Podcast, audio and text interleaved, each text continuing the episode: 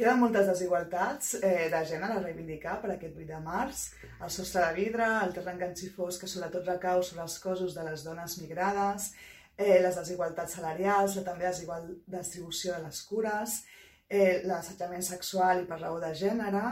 i molt s'ha avançat en les últimes onades feministes, però encara queda molt per avançar.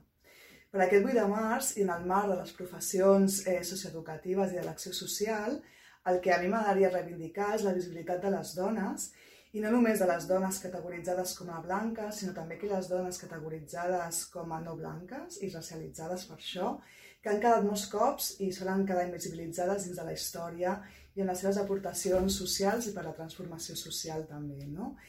I crec que és important remarcar la seva importància per poder difondre tot allò que han pogut fer amb les seves accions individuals i col·lectives, amb les seves aportacions teòriques,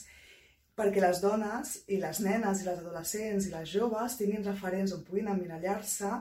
i puguin veure que és possible un canvi i que elles estan implicades també dins d'aquest canvi.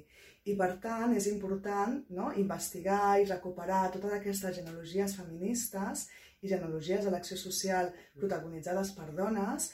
per poder contribuir en el canvi social i canviar també els imaginaris que encara recauen sobre, sobre l'altra meitat de la població, que som doncs, nosaltres les dones.